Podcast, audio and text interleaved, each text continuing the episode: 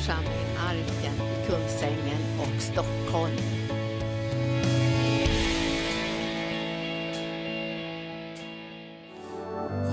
Halleluja Fader, vi bara tackar och prisar dig för vi får vara inför dig just nu Herre. Vi får stå inför tronen och tillbe och lovprisa, upphöja dig och umgås med dig Herre från hjärta till hjärta. Tack att vi får se dina planer Herre. Tack att du visar oss dina drömmar, dina beslut Herre. Tack att vi får koppla ihop med dig Herre som församlingar Herre. Så som församling får vi stå med dig Herre, du som är vårt huvud. Tack att du leder oss Herre igenom varje hinder till nya segrar och genombrott Herre. Att vi tackar och prisar dig Herre för att vi har förmånen att som din församling få möta dig den här kvällen Herre. Tack för förmånen att vara här tillsammans Herre, som ditt folk, som din församling Herre. Tack vad underbart det är att vi bara får vara med dig Herre. I Jesu namn. Amen. Amen. Tack så mycket för härlig lovsång. Ja, jag känner verkligen att det är en förmån att få mötas en lördagkväll så här. Den levande Gudens församling är ihop, är tillsammans, står tillsammans. Det är något fantastiskt med det faktiskt. Och fienden vill gärna att vi inte ska mötas. Därför att när vi möts som den levande Gudens församling då, då händer det grejer i andevärlden. Då skakar fienden. Då vet han att eh, han kommer få backa på område efter område. När vi lovprisar Herren som den levande Gudens församling, då bara banar vi väg i andevärlden för Guds vilja och för hans väldiga gärningar. Så är det. Så är det jätteroligt för Monica och mig att få vara med er ikväll. Få vara med arken ikväll, den här lördagskvällen. Få umgås med Herren och med varandra i anden. Det är en stor förmån. Det är verkligen roligt. Vi eh, har haft en härlig eftermiddag som Linda sa med NNVK.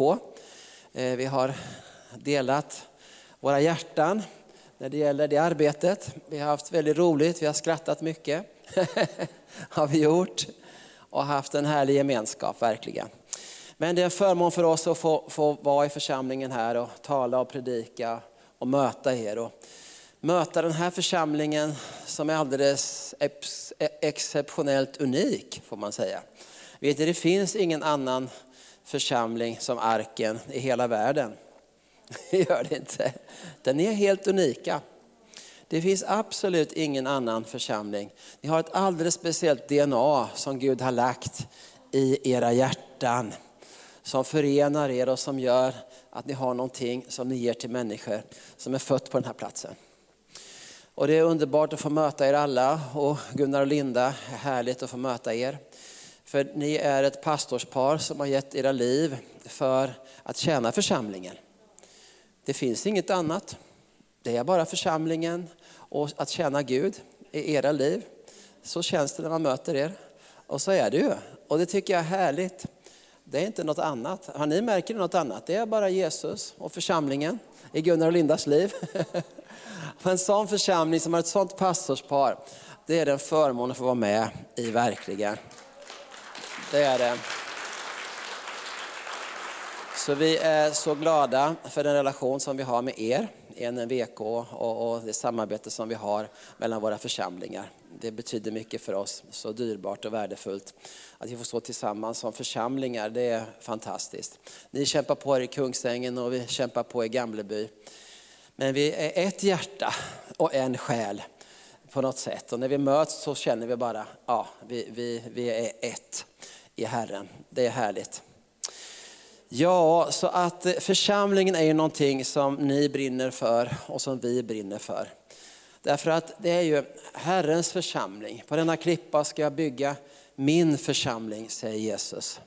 Det är Herrens församling. Det är han som har designat den. Det är han som har gett varje lokal församling dess speciella DNA för att det ska blomma ut som en unik församling. Han har inte tänkt att alla församlingar ska vara precis likadana, se alltså likadana ut, ha precis samma med allting. Nej, han vill att precis som varje människa är alldeles unik till utseende och fingeravtryck och allt, så vill han att varje församling ska vara helt unikt. För det är det som gör den spännande och roligt att vara med i en församling som är alldeles unik. Man är stolt över sin församling, stolt över sitt pastorspar och sina ledare och sina bröder och systrar för man vet att vi har något speciellt som Herren har gett oss. För att han är vårt huvud, han är vår frälsare och han har lagt en dyrbar skatt i våra hjärtan.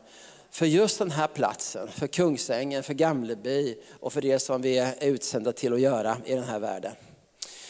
Eh, jag tänkte utgå från ett bibelord också det här mötet och det är från första Johannes brev, det femte kapitlet och den fjärde versen. Där har jag hittat ett riktigt starkt bibelord. Alla bibelord är ju starka naturligtvis. Men ibland känner man att vissa bibelord liksom bränner till sådär. Man säger wow, det här liksom var grejer för killar och tjejer. och det här är ett sånt bibelord. I första Johannes 5 och 4. Allt, ty allt som är fött av Gud besegrar världen. Märk väl att allt står det. Det står inte hälften av det som är fött av Gud besegrar världen. Det hade varit bra det. Eller 75 procent av det som är fött av Gud besegrar världen. Det hade man tyckt var ganska skapligt va? Eller 95 procent av allt det som är fött av Gud besegrar världen. Så tänker man ibland att ibland funkar, ibland funkar det inte. Men, men här står det faktiskt att 100 procent av det som är fött av Gud besegrar världen. Så det verkar som att det som är fött av Gud är något alldeles speciellt. Alltså. Det, står inte, det står inte allt som är fött av en människa besegrar världen.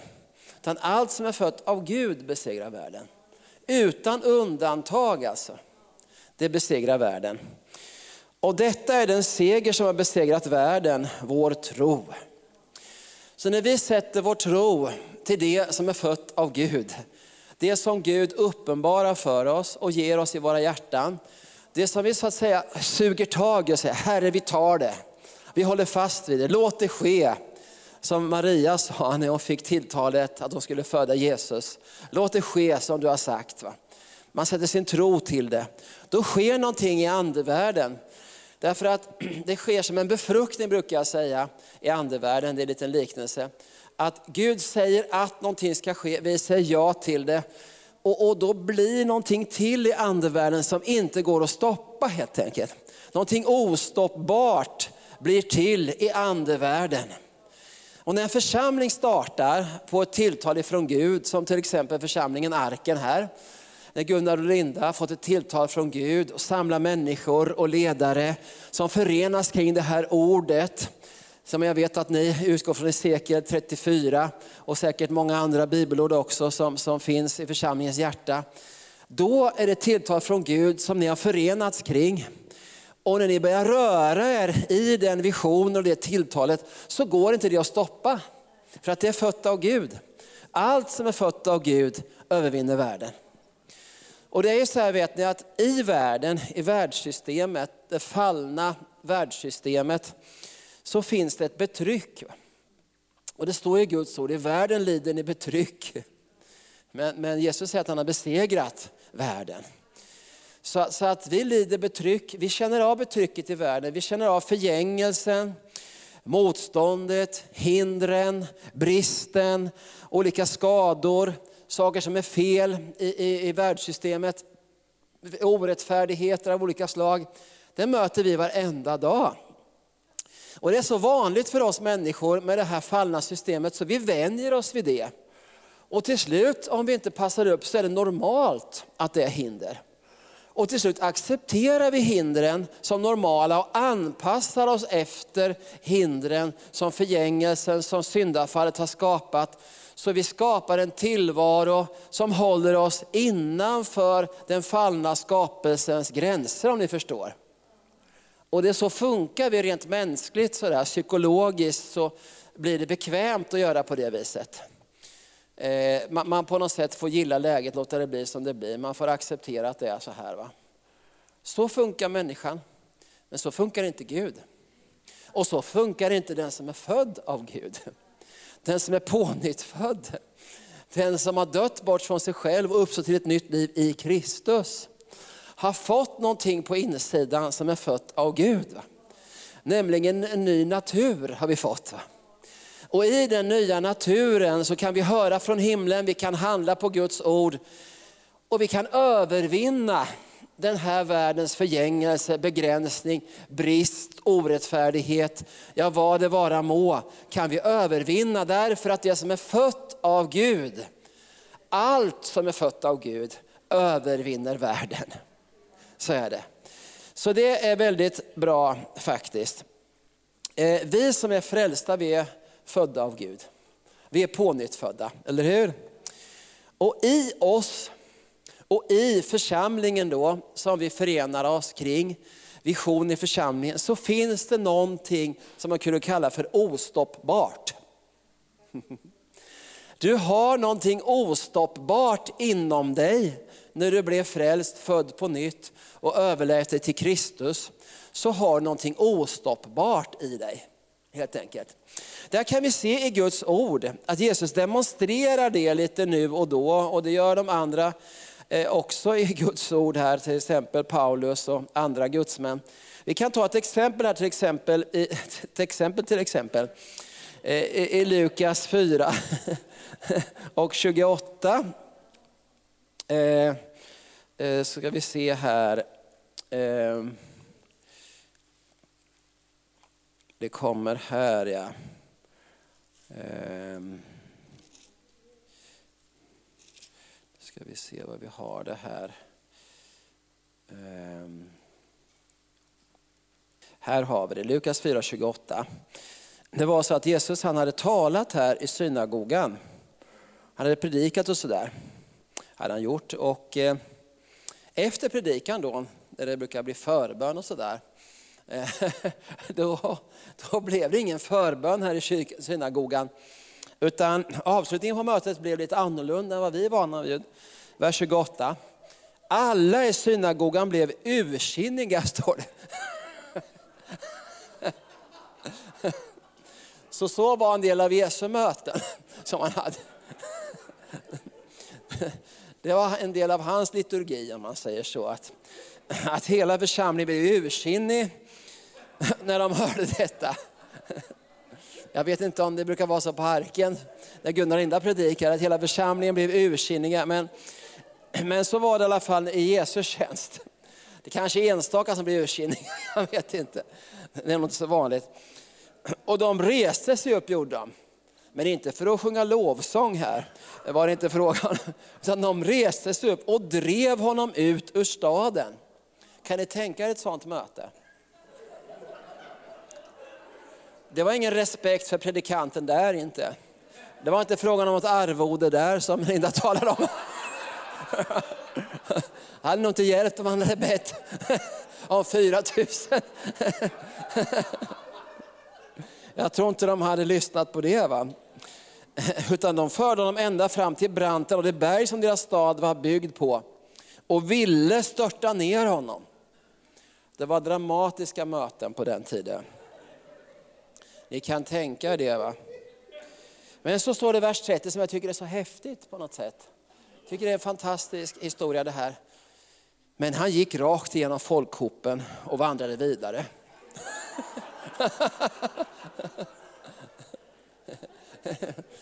vet, Jesus han var född av Gud. Han var Guds son. Han var ostoppbar. Så jag vet inte egentligen varför han till, ens tillät dem att driva honom ända fram till branten av det berg som, som, eh, som deras stad var byggd på. De fick väl hålla på ett tag. Så, så brukar det vara ibland. Va? De fick väl hålla på ett tag, men, men sen när det kommer till gränserna då bara gick Jesus rakt genom hopen. Och jag kan tänka mig alla de här som var rasande och ursinniga och med ursinne drev honom mot stupet. Och han bara går rakt igenom. Jag undrar vad de tänkte när han gick, till exempel. Vad funderade vad tänkte de efter det mötet egentligen? Vad sa de när de kom hem? Så, ja, vi störtade Jesus ut för en stund, men han bara gick. Vi, en hel folkhop. Va? Vilket vittnesbörd. Vilken manifestation av Guds rike som blev det. Och det här är församlingen. Va? Jesus är huvudet för församlingen och det här är församlingen. Den ostoppbara församlingen skulle man kunna säga. Den går inte att stoppa.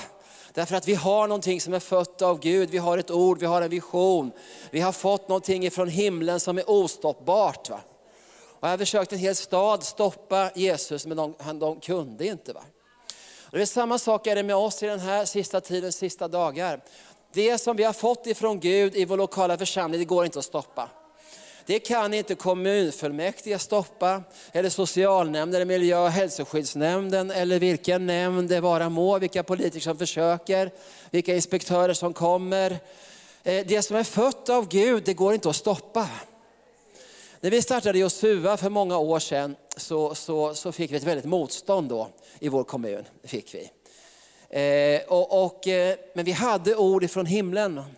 Det var en politisk majoritet, majoritet där som var väldigt emot eh, ja, kristna initiativ för det första.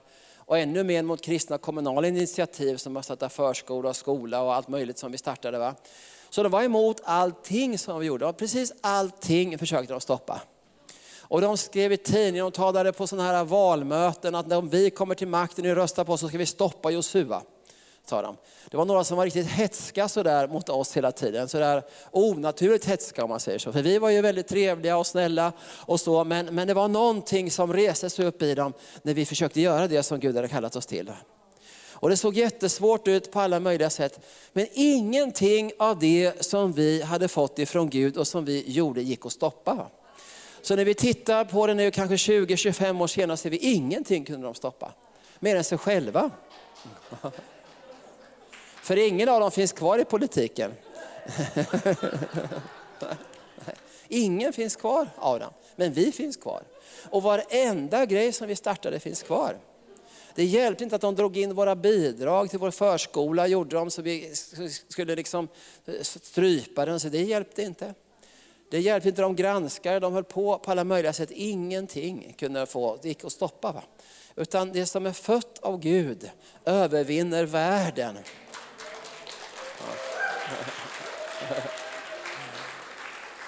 Eh, och vi märkte det på område efter område att vi kom ofta i sådana situationer när vi startade vårt behandlingshem också så, så var det svårt i början. Alla åkte hem, vi hade inga pengar till löner eller någonting sånt där. Men vi sökte Gud för vi visste att vi har fått ett ord ifrån Gud. Och vi sa så här, det spelar ingen roll om vi har några som är på behandlingshemmet. Det spelar ingen roll om vi har några pengar. Ingenting spelar någon roll för Gud har sagt att vi ska ha ett behandlingshem. Och därför så kör vi nu utan förutsättningar. Va? Och det gick inte att stoppa det. Utan det finns fortfarande, det är full fart på det. Man har dragit in alla pengar till behandlingshem som ni, som ni har hört talas om under de sista, eh, vi fick pengar under de första 10-15 åren. Men sen så minskar det och minskar de sista 5-10 åren så får vi nästan noll kronor. Enstaka gång får vi pengar. Men inte stoppas vi för det. Alla behand, många behandlingar läggs ner då för vuxna missbrukare, men vi sa så här att det är Gud som har kallat oss. Vi kör ändå och då öppnar Gud nya brunnar, nya kanaler för oss. Därför att det som är fött av Gud övervinner världen. Allt som är fött av Gud övervinner världen. Så är det. Så det är underbart och det ser vi med Jesus då. Han gick rakt genom folkhopen. Han var omöjlig att stoppa. Det var otänkbart att störta Jesus ut för ett stup, för han skulle inte dö då. skulle han inte göra. Det var inte hans kallelse, var det inte.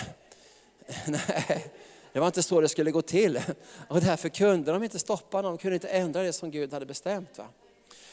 Eh, och vi ser det här också i Markus 4, då är de ute på sjön med lärjungarna, är Jesus ute och åker båt här.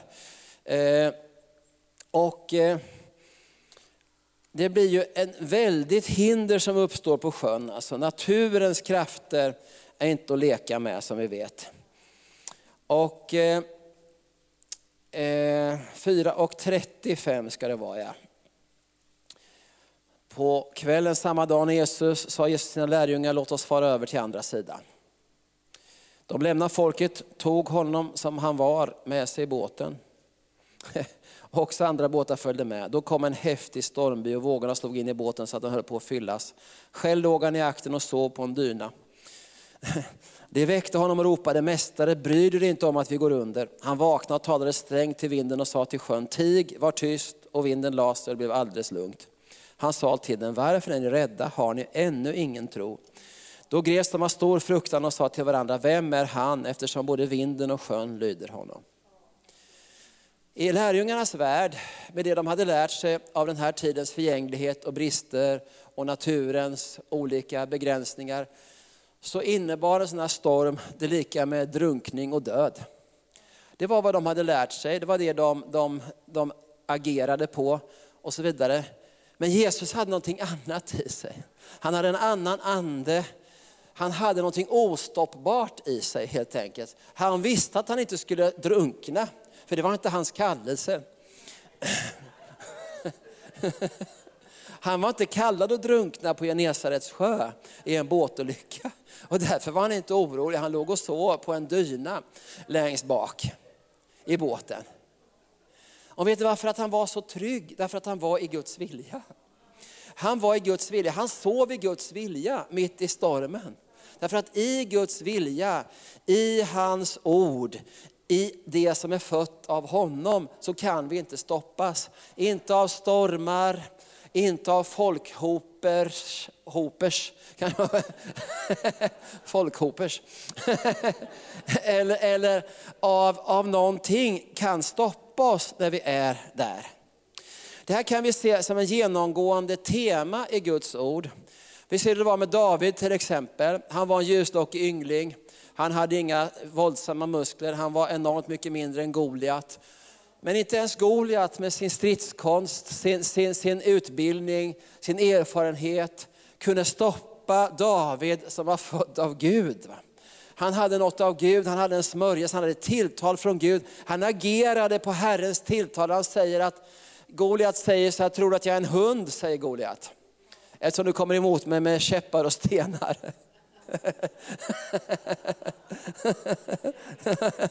Precis. Och då säger David, jag kommer emot dig i Herren Sebaots namn. Och det som är fött av Gud, det kunde inte Goliat stoppa. Med sin, sitt spjut och sitt, sitt svärd och alltihop det där. Va? Så det blev istället Goliat som blev stoppad. Och, och, David gick, och hela Israel gick segrande och övervann filisterna. Så var det. va. Vi ser det med Josef till exempel. Han hade en kallelse från Gud.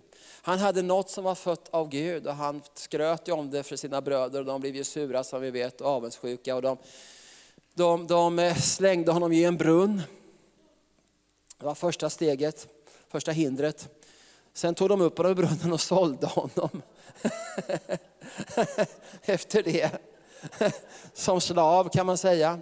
Så kom han till Egypten och där fick han tjäna i, det här fina hemmet. Där blev han så att säga falskt anklagad av hustrun eh, och så vidare. Han kom i fängelse. Det blev orättfärdighet, hinder på hinder. Han kom i fängelse. Där kunde han ju ha dött. Men han fortsätter hela tiden att tjäna Gud och göra Guds vilja. Göra det som han upplever att Gud vill att han ska göra hela tiden. Ingenting kan stoppa honom upp ur brunnen, ut ur det här huset där han tjänade, in i fängelse, ut ur fängelset. Och så till slut så blev han premiärminister skulle man säga. va? Skulle man kunna kalla det. va? Han blev alltså högsta personen näst efter farao då. Eh, han var ostoppbar. Brunnar, slavtjänst, eh, fängelse, Inget kunde stoppa honom för att han hade någonting som var fött av Gud. Så var det faktiskt. Eh, ja, vi ser det ju i, i Simeon till exempel, i Lukas 2, som var kommen till hög ålder, Hanna och Simeon vet ni. Han hade fått ett löfte från Gud, att han skulle se Herrens morde innan han lämnade jordelivet. Och vi förstår att han höll fast vid det. Och han, han blev äldre och äldre och, och, folk dog säkert runt omkring honom, skulle jag gissa. Men han dog inte. Han var ostoppbar. För det som var fött av Gud övervinner världen. Det övervinner även ålderdom. Det övervinner sjukdomar. Det övervinner alla naturliga begränsningar som finns i den här världen. Så det löftet som han hade fått, att han skulle se Herrens mode, det höll honom vid liv. Verkligen. För det som är fött av Gud övervinner världen och han fick se Herrens mode också. Han fick möta Jesus. Jesus när, liten, när han var liten. Så var det. Vi ser det ju med Paulus som vi talade om. Han blev till och med stenad som vi talade om i eftermiddags. Han reste på sig och gick vidare. Det som är fött av Gud övervinner världen. Det var inte Guds kallelse att han skulle dö där. Det var inte Guds plan. Och skeppsbrottet och ormbettet och alltihopa det här, det var lätta fall för Gud. Infödingarna där runt omkring på den där ön där de led skeppsbrott, de väntade sig att Paulus skulle svullna upp och dö. Det hade de lärt sig att när en sån orm biter då svullnar man upp och dör. Men Paulus visste inte om det. Så, att han skulle svullna upp och dö. Så att han, han fortsatte bara att tjäna Gud så att säga. Och giftet verkar inte bita på en person som är född av Gud och som tjänar Gud. Och du vet, så är det med sjukdomar, så är det med begränsningar. När vi har någonting ifrån Gud så kan inga sjukdomar stoppa oss. Det spelar ingen roll vad doktorn säger. Det som är fött av Gud övervinner diagnoserna. Det övervinner begränsningarna. Det övervinner det som, som normalt sett innebär ett stopp för oss människor. Och därför är det så viktigt att vi inte böjer oss under begränsningarna bara för att vetenskap och beprövad erfarenhet säger att det ska bli så. För vetenskap och beprövad erfarenhet sa på Paulus tid att han skulle svullna upp och dö. Det sa den beprövade erfarenheten på den tiden. Men det gjorde han inte. Därför att han, han hade en växel till. Han trodde på det som Gud hade sagt och han höll fast vid det. Och då bet inte de naturliga begränsningarna. Och det är så viktigt att vi som Guds folk, som enskilda, som familjer, som församling, inte vänjer oss vid den här världens förutsättningar, vid den här världens begränsningar, med vetenskap och beprövad erfarenhet, vid alltihopa det här som säger vad som går och inte går. Därför att den levande Gudens församling är en övernaturlig församling. Församlingen är född övernaturligt, verkar övernaturligt. Under hela sin tid så är vi en övernaturlig församling. Vi är övernaturliga människor, vi har övernaturliga familjer. Vi är födda av Gud och vi kan inte begränsas av den fallna skapelsens ramar. Men det är så många kristna människor som böjer sig för den här tidens begränsningar. Och Paulus säger att anpassa er inte efter denna tidsålders väsende, utan låt er fast mer förvandlas och, och, och förändras och, och, och, så vidare. Alltså vi, vi, vi eh, är kallade att bryta den här tidens och den här världens begränsningar. Församlingen är övernaturlig och genom församlingens verksamhet, när vi kommer samman, förenar oss kring en gemensam kallelse, tilltal, Guds ord, så kan vi visa världen vem Gud är genom att göra det omöjliga hela tiden. Ja, så är det. Det innebär att vi inte bara kallar att någon gång då och då få se ett under. Vi är kallade att leva i under. Vi är kallade att leva av tro hela tiden. Den rättfärdige ska leva av tro. Vi lever inte av något annat än tro. Och tro, vad är det då?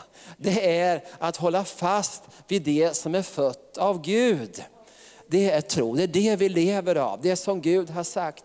Då blir vi fria ifrån den här världens begränsningar av arbete, arbetstillfälle, om det finns några jobb här eller inte finns några jobb. Det spelar ingen roll om det finns några jobb om vi flyttar till en plats där det inte finns några jobb. Det som är fött av Gud övervinner världen. Har han kallat mig så finns det en försörjning genom ett jobb eller på något annat sätt. Det går inte att stoppa. Och det som jag vill tala om idag är det här att det är så viktigt att vi, att vi är rädda om våra sinnen och våra tankar. Så vi inte låter oss begränsas och börja tänka som världen. Att vi börjar tänka med samma begränsningar som de som inte tror. Utan att vi tänker större, vi tänker vidare, vi tänker bredare. Vi, vi har en helt annan växel. Så är det. Vad var hemligheten med alla de här gudsmännen? Som jag talar om nu, och det finns ju hur många som helst till vi skulle kunna ta som exempel, som var ostoppbara. Ja, det finns en gemensam nämnare, det kanske finns fler, men en gemensam nämnare som jag tänker det var att de var i Guds vilja. De var bara intresserade av en enda sak och det var att göra Guds vilja. Det var det enda de var intresserade av. De hade sin lust i att göra Guds vilja. Det var deras största vision att göra Guds vilja, att höra Guds röst och göra Guds vilja. Det här med att brottas med vad jag vill kontra vad Gud vill, det hade de redan passerat. Det stadiet. För att vad jag vill, det lämnar man ju när man blir frälst. Eller hur? när man bekänner Jesus som Herre, då har man ju redan bekänt att det är vad han vill som gäller. Så det här stadiet vi håller på med, ja men jag vill ju det här och Gud vill ju det, ja, men jag vill det här, Gud vill det, men det lämnar vi redan i frälsningsögonblicket.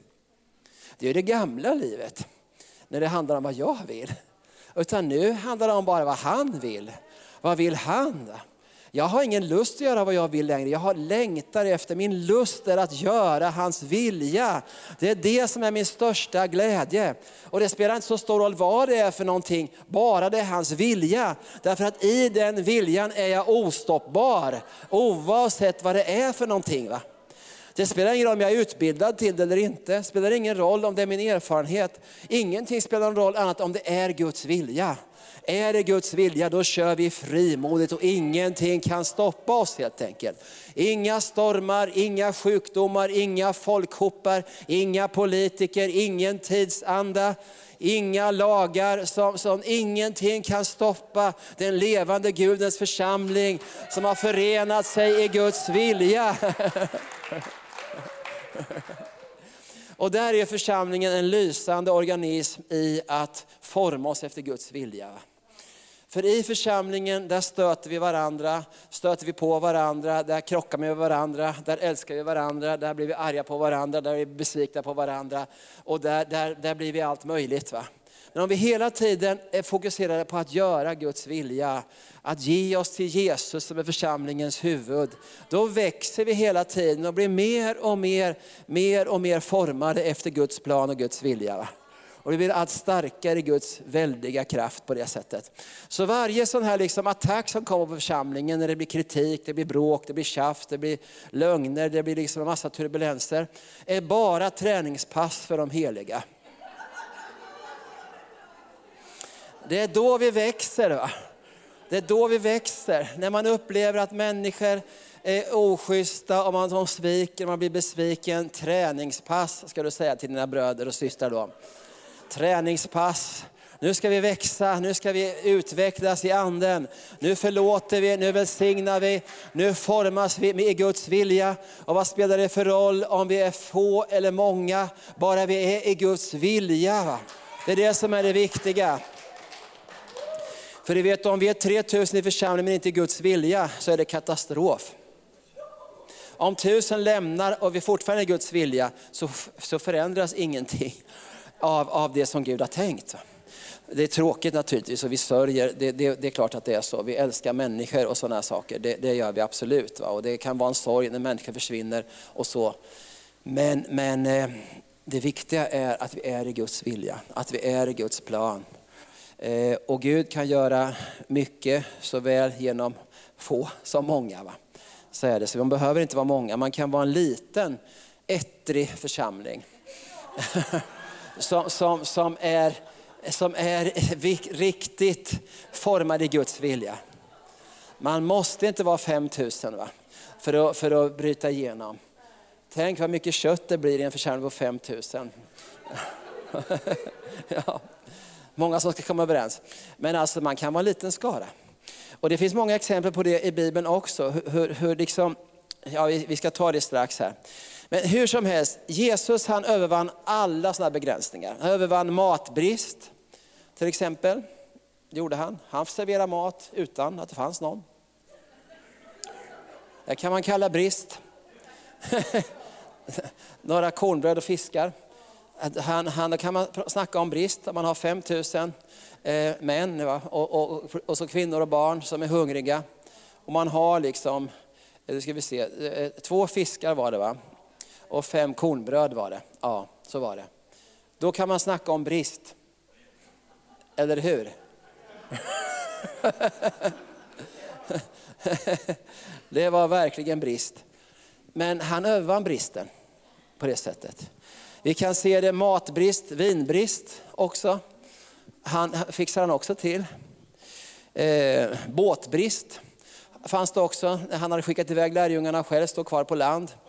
Och hade bett och sådär. Var det båtbrist? Men han gick på vattnet. Inte ens det kunde stoppa honom. Ja, så att all brist övervinner Jesus. Matbrist, vinbrist, båtbrist, blodbrist. Alla brister kan, kan Jesus övervinna. Ja, precis. Så även de brister som du har kan han övervinna. Och även de brister som kan finnas i församlingen övervinner han också. Va? För allt som är fött av Gud övervinner världen. Så är det, verkligen. Ja, det finns eh, olika tider i Guds ord och en tid som ofta refereras till i Bibeln på flera ställen det är midjans tid. Midjans tid. Och det handlar inte om bantning nu, om ni trodde det. är det inte. Utan det här är en helt annan midja än din midja. Allt, hand, allt handlar inte om dig. Utan det här handlar om ett folk som heter Midjan. Det är ett konstigt namn egentligen. Midjans folk. Eh, de, de eh, var väldigt svåra i alla fall, Midjans folk. Eh, och Israels barn, de var inte riktigt synkroniserade med Guds vilja. Utan de hade i Domarboken 6, de hade börjat utveckla lite egna planer, hade de gjort. De hade kommit på lite egna grejer som de tyckte var fina. Men det står där att när Israels barn gjorde vad ont var i Herrens ögon, står det i Domarboken 6. Men det var säkert gott i deras ögon kan jag tänka mig. Annars hade de inte gjort det. Eh, då gav Herren dem i Midjans hand i sju år. Och Midjans hand blev så tung, står det över dem. Va? För varje år så, kom, så trängde de in i landet, föll in i landet och tog deras skörd liksom, år efter år efter år. Till slut blev de vana vid det här så de började förbereda sig på när midjan skulle komma. Va? Eh, och de gjorde sig hålor gjorde de, där de kunde gömma sig och så här. Så att det blev tyngre och tyngre och tyngre för dem. Till slut så blev de så desperata i Domarboken 6 så de började ropa till Gud. Då. Ja. Och, och, och, det var ju på tiden, får man ju säga, efter sju år. Då, va? De var, det var mycket kött som skulle malas där. Va? Det var det. Så det tog sju år innan de kunde ödmjuka sig så mycket så de kunde ropa till Gud. Så det är tufft ibland med den egenviljan där. De hade säkert väldigt fina projekt, de kanske hade gjort fina planer och hade, hade liksom skrivit ner långa sådana här ja, projektbeskrivningar och allt möjligt som de höll på med där och var stolta över. Va? Som inte alls var Guds planer, det var deras planer. Men då vet vi att i sju år höll det på så här. Va? Och till slut så blev de desperata, de ropade till Gud. Och jag tror de ropade så här, Gud hjälp, tror jag de ropade. Det tror jag. va. Jag tror de ropade hjälp, vi gör vad som helst. Innan tror jag de ropade så här, Gud gör så här. Gud, nu vill vi att du gör så här. Gud, kör ut midjan. Gud, sätt ett skydd, blås upp en mur. De hittade säkert på massor med grejer som Gud skulle göra.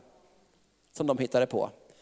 Jag tror att det var så här, när det hade gått sju år, så tror jag han ropade så där liksom kompromisslöst. Gud, gör vad du vill. Bara du hjälper oss. Va?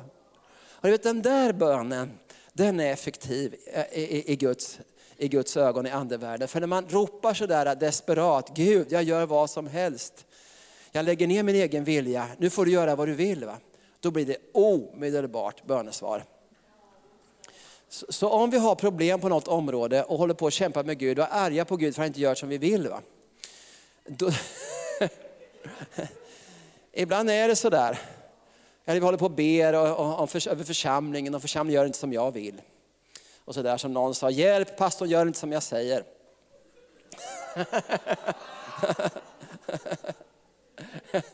hjälp Gud gör inte som jag vill. du vet, då är det något som behöver malas ner helt enkelt. Och till slut när omständigheterna får trycka på tillräckligt länge, då kommer man till den punkten när man ropar hjälp Gud, gör vad du vill. Du får hitta på vad du vill, va? för nu har jag inget mer. Nu, nu är jag tillintetgjord. Vet du. Det är den där bönen som öppnar himlen. Är det. Och så var det på midjans tid. De ropade till Gud. Va? Och omedelbart när de ropade till Gud, som jag tror på det sättet, så kom det först en profet och sen kom det en ängel och började tala. Till Gideon blev det här. Va? Och Gideon får det här tilltalet från himlen. Stå upp du tappre stridsman. Och han, han, hade ju, han, hade ju, han hade ju så att säga blivit van vid begränsningarna. Han hade anpassat sig så han höll på att klappra vete, står det i vinpressen. Höll han på att försöka liksom fixa till lite vete, så man skulle gömma undan för midjan. Vilken vision han hade. Du vet, ibland har vi sådana visioner, vi människor. Vi har hittat på en egen vision hur vi ska liksom anpassa oss till den här tidens förgängelse, begränsning, till fienden, till betrycket, till alltihopa som, som finns i våran, i våran tid. Och, och så håller vi på att jobba på det, försöka fixa till det nu så att det funkar. Ja, men sånt har inte Gud på med. Han har en helt annan vision. Han säger till Gideon, stå upp du tappre stridsman.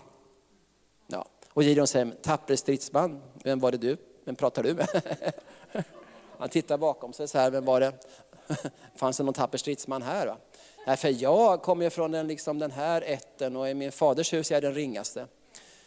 Så, så fadershuset var väl inte så mycket att komma med och i det huset så var han den ringaste. Så att alla andra var mer lämpliga i, i hans familj. Och hans familj var ändå inte så lämplig.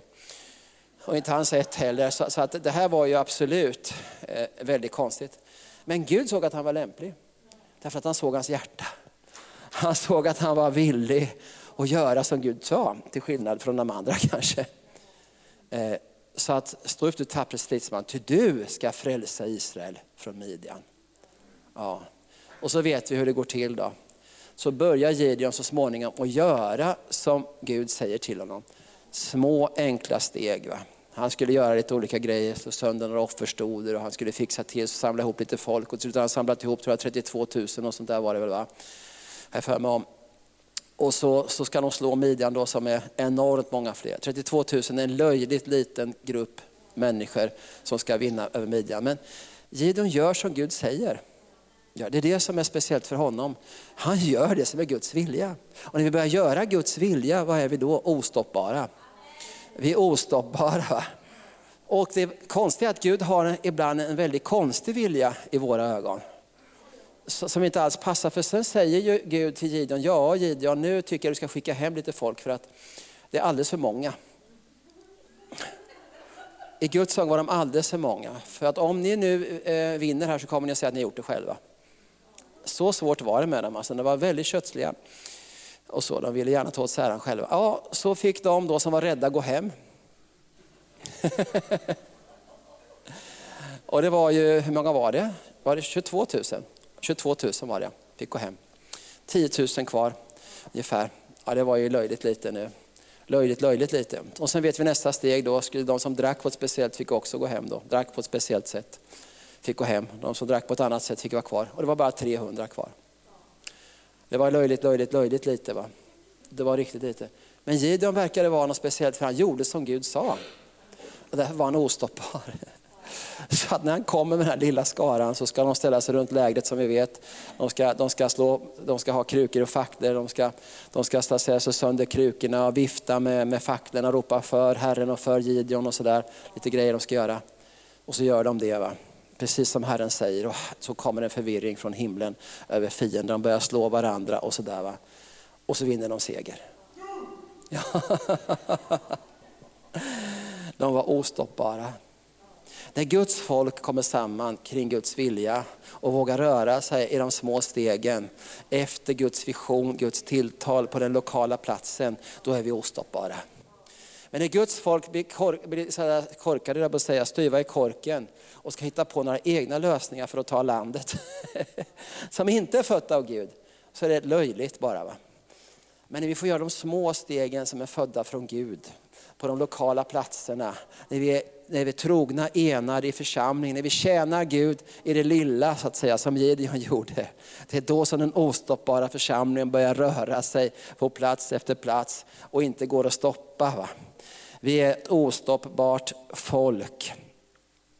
Eh, och då blev det ju så här för Gideon att det där Midjans folk som var så fruktansvärt svåra, va? Så att ingen kunde stoppa dem. De anpassade sig efter det. De led betryck år efter år, blev plötsligt ett lätt fall. För Herren säger, du ska slå honom som vore han, du ska slå Midjan som vore det en man. Det var ett lätt fall i Guds ögon. Och så är det med allt det som vi har i Guds rike, som Guds folk, som enskilda, som familjer. När vi hittar Guds vilja så är det oöverstigliga plötsligt ett lätt fall. För det som är fött av Gud övervinner världen. Va? Allt som är fött av Gud övervinner världen. Så att allt det som, som, som, som är speciellt för det här folket var att de kalibrerade sig själva med Guds vilja hela tiden. De var hela tiden så noggranna med att de inte höll på med någonting annat än Guds vilja. De tog inte semester från Guds vilja. De hade inte så att säga ett annat liv vid sidan om Guds vilja. Så att de tjänade Gud några kvällar i veckan och sen levde de för sig själva.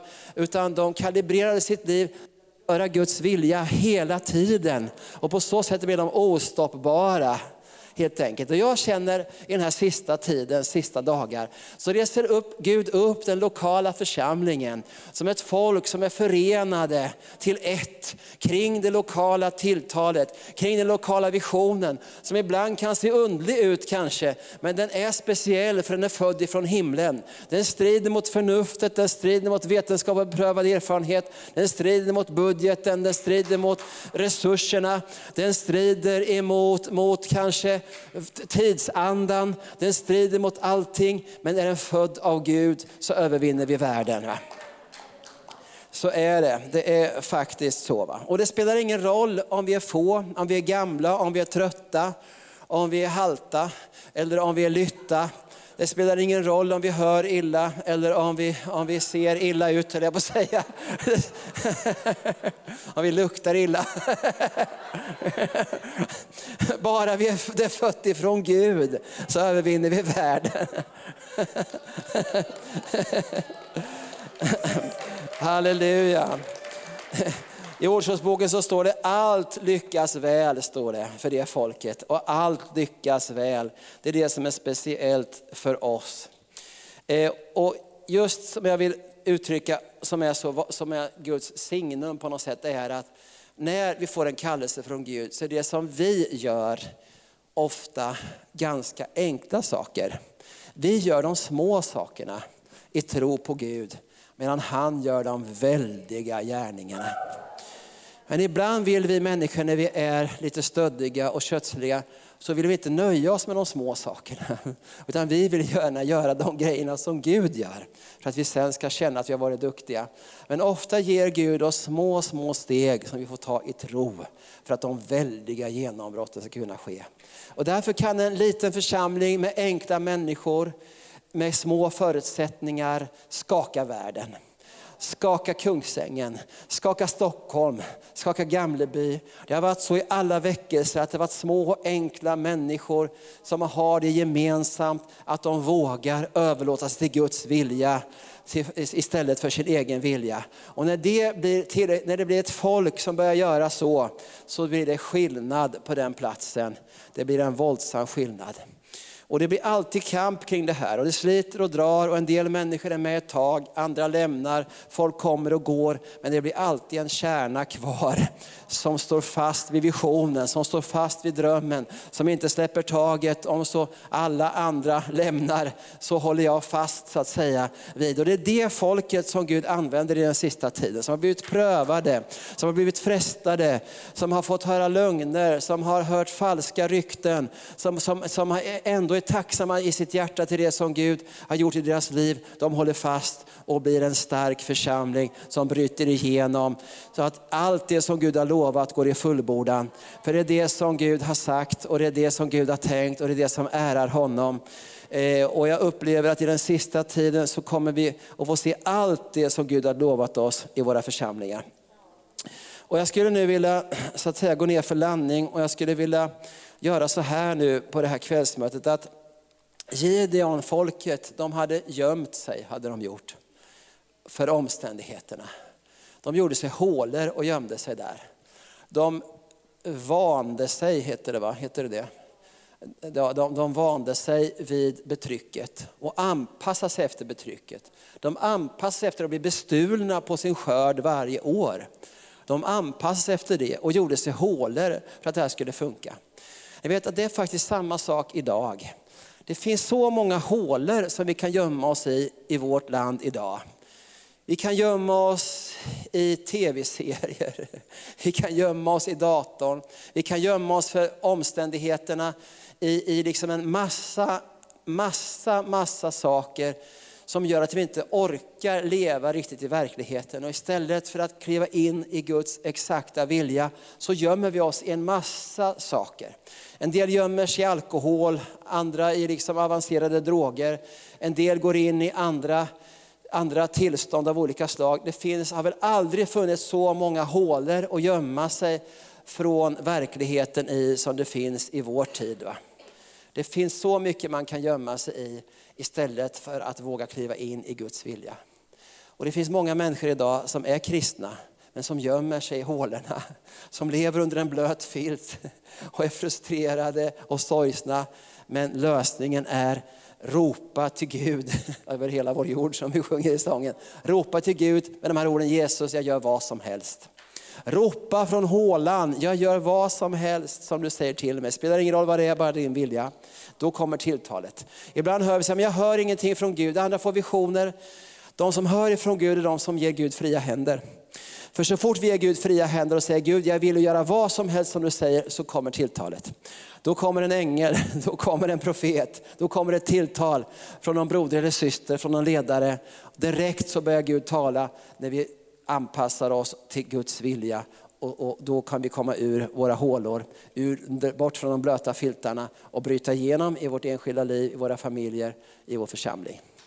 Så att eh, om vi skulle kunna göra så här bara nu, att vi kan få fram lovsångsteamet och så prisstår vi upp och så prisar vi Gud och så, så, så, så kan vi göra en liten sån här manifestation idag där vi får känna att vi om vi är under en blöt filt, har gömt oss under filten eller i någon håla av något slag, där vi gömmer oss från verkligheten som är för smärtsam, då är det tid att kasta sig in i Guds specifika vilja.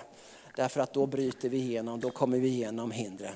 Så vi kan väl bara prisa Gud och så, så får vi be för dig som känner att jag vill bli ostoppbar. Jag känner att jag har begränsat mig för mycket. Jag har böjt mig under min ekonomiska brist till exempel, min penningabrist. Jag har böjt mig under, under ja, den här sjukdomsmakten. Jag har böjt mig under besvikelse. Jag har böjt mig under eh, andra, alla möjliga saker.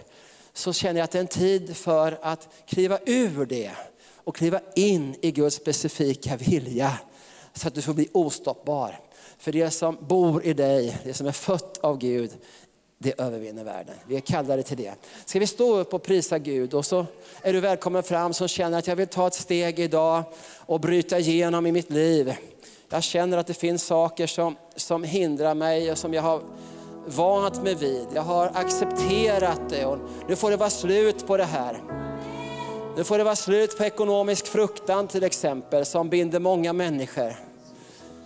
Nu, nu, nu går jag i tro. Därför att Herren är min försörjare. Nu får det vara slut på, på, på de här symptomen i min kropp som gör att jag inte kan, kan tjäna Gud som han har kallat mig till. Så vi prisar Gud och om du känner att du vill ta ett steg i tro idag, att gå in i det ostoppbara, flödet från himlen, så är du välkommen fram så får vi be för dig. Eller om det är något annat behov som du känner att du vill ha förbön för ikväll så är du välkommen fram. Vi prisar Gud nu.